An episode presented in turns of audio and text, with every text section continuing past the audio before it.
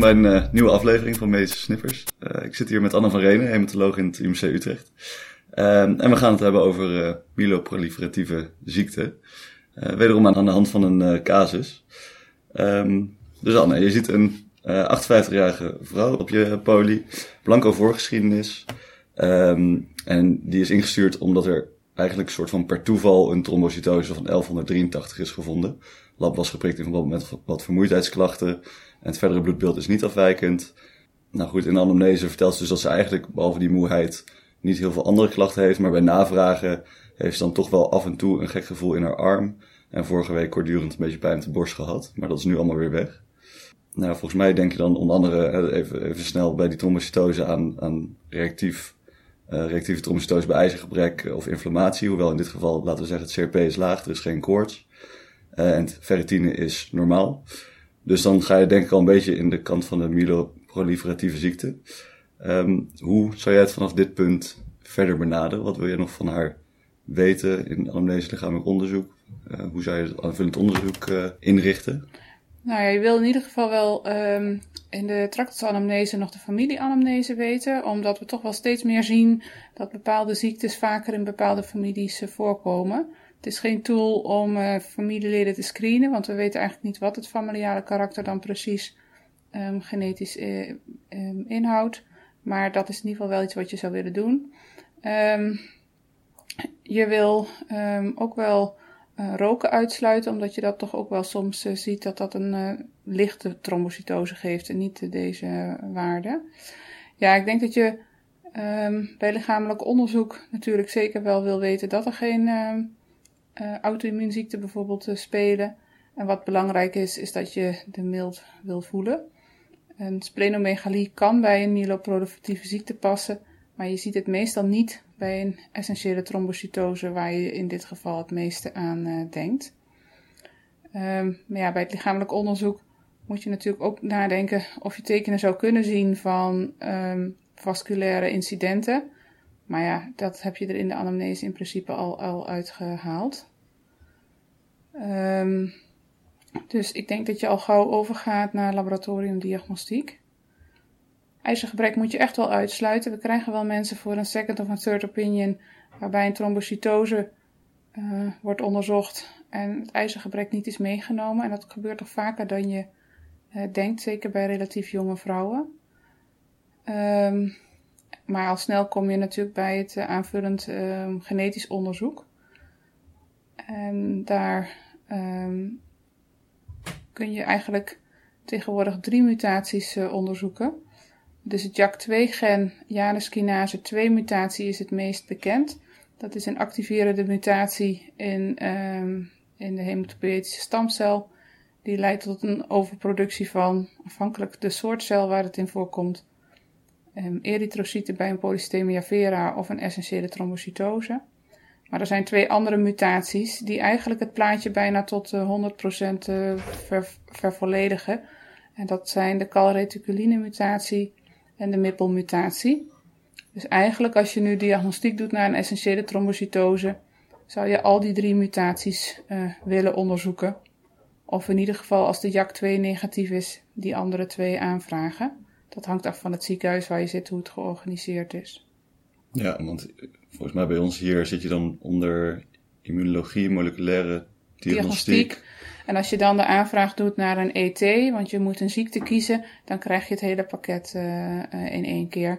Maar er zullen ziekenhuizen zijn waar eerst de JAK2 wordt gedaan, uit kostenoverweging. En als die negatief zijn, dan pas de andere. Oké. Ja, dat maakt niet zoveel uit. Maar in ieder geval, um, anno 2018 moet je ze alle drie bepalen. Oké. Dat je dan eigenlijk een duidelijke diagnose kan stellen. Ja. Nou, dat duurt dan volgens mij ongeveer een week voordat je die uitslag hebt. Ja. Zou jij in deze casus um, dan nu al starten met ASCAL? Nee, ik zou echt wachten op de aanvullende diagnostiek. Ze, ze loopt hier niet sinds gisteren mee, ze loopt hier waarschijnlijk al jaren mee. Vind de anamnese lastig te interpreteren of ze nou echt een, een event heeft gehad of niet. Um, en je moet je realiseren dat bij een bepaald uh, aantal bloedplaatjes je ook stoornissen krijgt in het van Willebrand. Um, de meningen verschillen of je bij boven de 1500 of boven de 1000 trombocyten analyse moet doen naar Van Willebrand. Maar deze mensen kunnen dus eigenlijk ook nog wel eens een bloedingsanamnese hebben bij een hoog trombocytegetal. Omdat de plaatjes uh, het Van Willebrand verbruiken en je relatief tekort uh, hebt. Hm, dan heb je dus juist een hoger risico als je ja, zeker in het begin. Ja, ja. ja, Dus dat is echt werk voor de hematoloog om dan over na te denken wat, wat voorrang heeft. Maar... Uh, ik zou zeker met zo'n kort diagnostisch traject niet uh, meteen uh, ASCAL starten. Tenzij je natuurlijk echt overtuigd bent. Als iemand evident een TIA heeft gehad, dat is wat anders dan dit verhaal. Vind ik ja. het verhaal wat lastiger te interpreteren. Nou goed, een week later blijkt inderdaad die JAK2-mutatie uh, aanwezig. Dus dan denk ik dat we bij deze de diagnose essentiële trombocytose hebben. Mm -hmm. En dat jullie hem verder zullen opvolgen. Wat, hoe ziet dat vervolg er dan uit? Wanneer doe je nog op dit moment ook nog een beenmerg. Uh, wanneer ga je waarmee behandelen? In principe doe je geen beenmergbiopsie als je eigenlijk alleen een trombocytose hebt. Dus als het HB normaal is en de leukocyten normaal zijn. Uh, dus je echt niet hoeft te denken aan een andere uh, myeloproliferatieve ziekte. En je natuurlijk wel een van je mutaties vindt die diagnostisch zijn. Dus je moet eigenlijk terug naar de WHO 2016 criteria. Um, waarbij er major en minor criteria zijn om een... Um, um, ET vast te stellen. En um, je moet um, in ieder geval uh, drie major criteria hebben en er zijn er vier. Dus als je de andere hebt, hoef je het botbiop niet per se te doen. Die criteria zal ik op de website zetten, dan kunnen ja. mensen die zo nodig uh, nakijken. En ik zal ze bij deze ook meteen hier benoemen. De uh, WHO 2016 criteria voor de diagnose voor essentiële trombocytose, waar Anna het over heeft we bestaan dus uit vier major criteria en één minor criterium. Um, de major criteria bevat een trombocytegetal van meer dan 450. De aanwezigheid van JAK2, uh, calreticuline of MPL-genmutatie. Um, geen aanwijzingen voor een CML, polycythemia vera, myelofibrose of MDS. Um, en als laatste een B-mergbiot met proliferatie van megakaryocyten met bijpassende uh, afwijkende celmorfologie en geen afwijkingen in de erythropoïese of granulopoïese.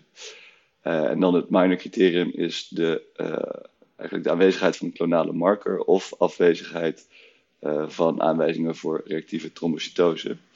En als je alle vier de major criteria hebt, of drie van de vier major criteria en het minor criterium, mag je de diagnose essentiële trombocytose stellen.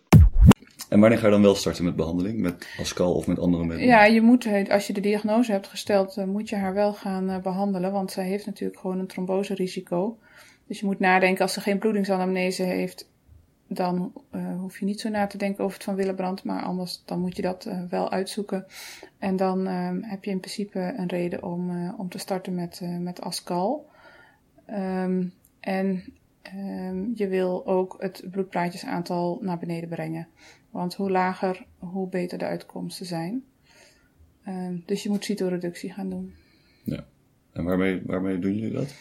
Um, de eerste keuze is in principe hydrea. Andere middelen zijn radioactief fosfor. Dat kan je één of meerdere keren moeten geven en dan zijn mensen heel lang ervan af. Dus als mensen hydrea niet verdragen, je hebt hele specifieke bijwerkingen, zou je dat kunnen geven. Maar dat gebeurt eigenlijk zelden. Dus uh, in principe kom je uit op hydrea. Duidelijk. En stel, we hebben nu een vergelijkbare casus, weer 58-jarige vrouw, blanke voorgeschiedenis. Uh, maar dit keer heeft ze een normaal trombocyteaantal en een verhoogd leukocyteaantal van 25, waarvan dan 20 neutrofiele granulocyten. En ook de HB is mild verhoogd, 9,8 millimol per liter. Wederom geen aanwijzingen voor inflammatie, geen richtinggevende klachten, maar ze rookt wel een pakje per dag. Is dit nog een getal wat je zou durven toeschrijven aan het roken? Uh, ik vind het lastig. Ik vind iets te veel. Ik denk dat je dan mag uh, berusten bij een leukelgetal van 13, 14, maar ik vind 25 eigenlijk wel wat te veel. Dus, dus hoe zou je dit dan verder analyseren? Um, ja, ik denk dat je moet nadenken waar je tegenaan zit uh, te kijken. Um, een verhoogd HB, dan kijk je eigenlijk met name naar het hematocriet. Um, want het hematocriet is iets betrouwbaarder om een polycythemia vera vast te stellen dan um, een verhoogd HB. Um, dus dat is het eerste. Hoe hoger het hematocriet, hoe groter de kans is dat er sprake is sowieso van een myeloproliferatieve ziekte. En dan zou het polycythemia vera kunnen zijn. Wat we hier niet bespreken, maar wat natuurlijk wel uh, belangrijk is, is dat je ook even kijkt naar de andere oorzaken van erythrocytose, van polycythemie.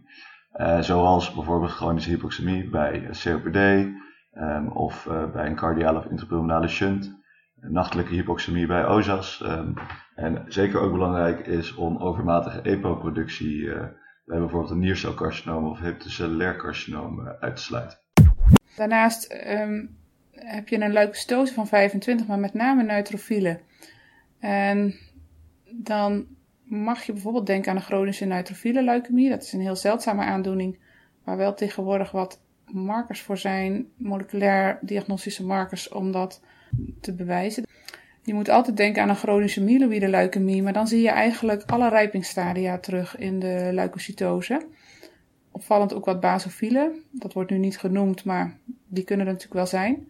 Maar dan zie je niet alleen maar rijpe cellen, dus dan zou je ook myelocyten willen zien, promyelocyten, ehm, liefst geen blasten. En zijn alle stadia die je net noemde, is, is, dat iets wat je automatisch krijgt ook met zeg maar de automatische diff? Of moeten we specifiek om een handdiff in dit soort gevallen Nee, de automatische diff difft alleen maar wat hij herkent. Dus het apparaat zal al snel genoeg uh, bij afwijkingen zelf om een uh, handdiff vragen. Dus je hebt eigenlijk niet vaak meer dat het apparaat wel een uitslag geeft die niet goed is. Hij, eh, zo'n apparaat zegt als, als het afwijkt van de norm wel dat er een handdiff nodig is. Okay. Um, dus daar hoef je tegenwoordig niet zo bang meer voor te zijn. Even in het algemeen bij zo'n, bij zo'n leukocytose, hè? wanneer moeten er nou echt bij ons alarmbellen gaan rinkelen? Stel we zitten in de periferie en we hebben in de avonddienst en iemand komt met een afwijkend bloedbeeld. Wanneer moeten we echt per direct de hematologie bellen? Nou, per direct gaat het om wanneer is iemand bedreigd. En dat is als er blasten uitkomen of als je een diepe pancytopenie hebt, anemie of trombopenie. Maar gewoon een leukocytose met van alles, dat kan je prima in kantooruren verder onderzoeken. Dus het gaat om blasten, een diepe anemie of een diepe trombopenie. Maar dan zit je eigenlijk op een heel ander spoor dan het verhaal wat je bij deze dame uh, hoort. Ja, Oké, en, en wanneer komt bij dit soort, laten we zeggen, polyklinische analyses een beenmerg kijken? Of misschien nog een stap ervoor Je begint eigenlijk wel weer opnieuw met gewoon moleculaire diagnostiek van het perifere bloed. Waarbij je op zoek bent naar positieve markers. Dus iets wat past bij een CML, namelijk een 922 translocatie. Of iets past, wat past bij een polycythemia vera, die prima ook gepaard kunnen gaan met zo'n leukocytose. Dan heb je dus een JAK2-mutatie in 90% van de mensen. En in een kleine restgroep een exon 12 mutatie. Dus dat is niet de mutatie in het Janus op de plek waar 90% van de mensen de mutatie heeft, maar een stukje verderop. En daar wordt in dit ziekenhuis automatisch naar gekeken als er geen JAK2 is. Maar dat hangt af van je lab. Niet alle labs in perifere ziekenhuizen kijken daarnaar. En dan zul je je sample op moeten sturen, want het is wel belangrijk voor de diagnose. Als je geen marker vindt, dan moet je sowieso, ben je eigenlijk altijd verplicht om aan te tonen dat het geen CML is. Want het beeld van een CML, chronische myeloïde leukemie, kan wel verschillen. En dat heeft natuurlijk, als je diagnosticeert, een ontzettend goede prognose. Dus als je geen mutaties vindt die passen bij andere ziekten, moet je in ieder geval ben je verplicht aan te tonen dat het geen chronische myeloïde leukemie is. En dat doe je door alsnog een beenmerg te doen? Nee, dat kan ook prima op het perifere bloed. De beenmergpunctie wordt waarschijnlijk steeds minder belangrijk op het moment dat je diagnostische markers hebt voor elke ziekte. Waarbij je wel moet realiseren dat wij eigenlijk altijd nog wel de, de mate van fibrose in het beenmerg willen weten. Hoeveel vervezeling gaat er gepaard met die ziekte? Want dat bepaalt of de patiënt de therapie die je geeft uh, aan kan, of dat er diepe cytopenieën bijvoorbeeld zullen ontstaan. Um, en voor een polycythemia vera wil je zeker wel weten of er fibrose uh, aanwezig is, omdat die ziekte vaker overgaat naar een myelofibrose. En cytogenetisch onderzoek is een reden om een beenmergpunctie te doen. Chronische myeloïde leukemie met alleen een translocatie 922 heeft een betere prognose dan een chronische myeloïde leukemie, waarin het genetisch materiaal ook nog andere afwijkingen zijn. En de, de 922 translocatie, dat is de BCR-ABL, hè? Ja, ja.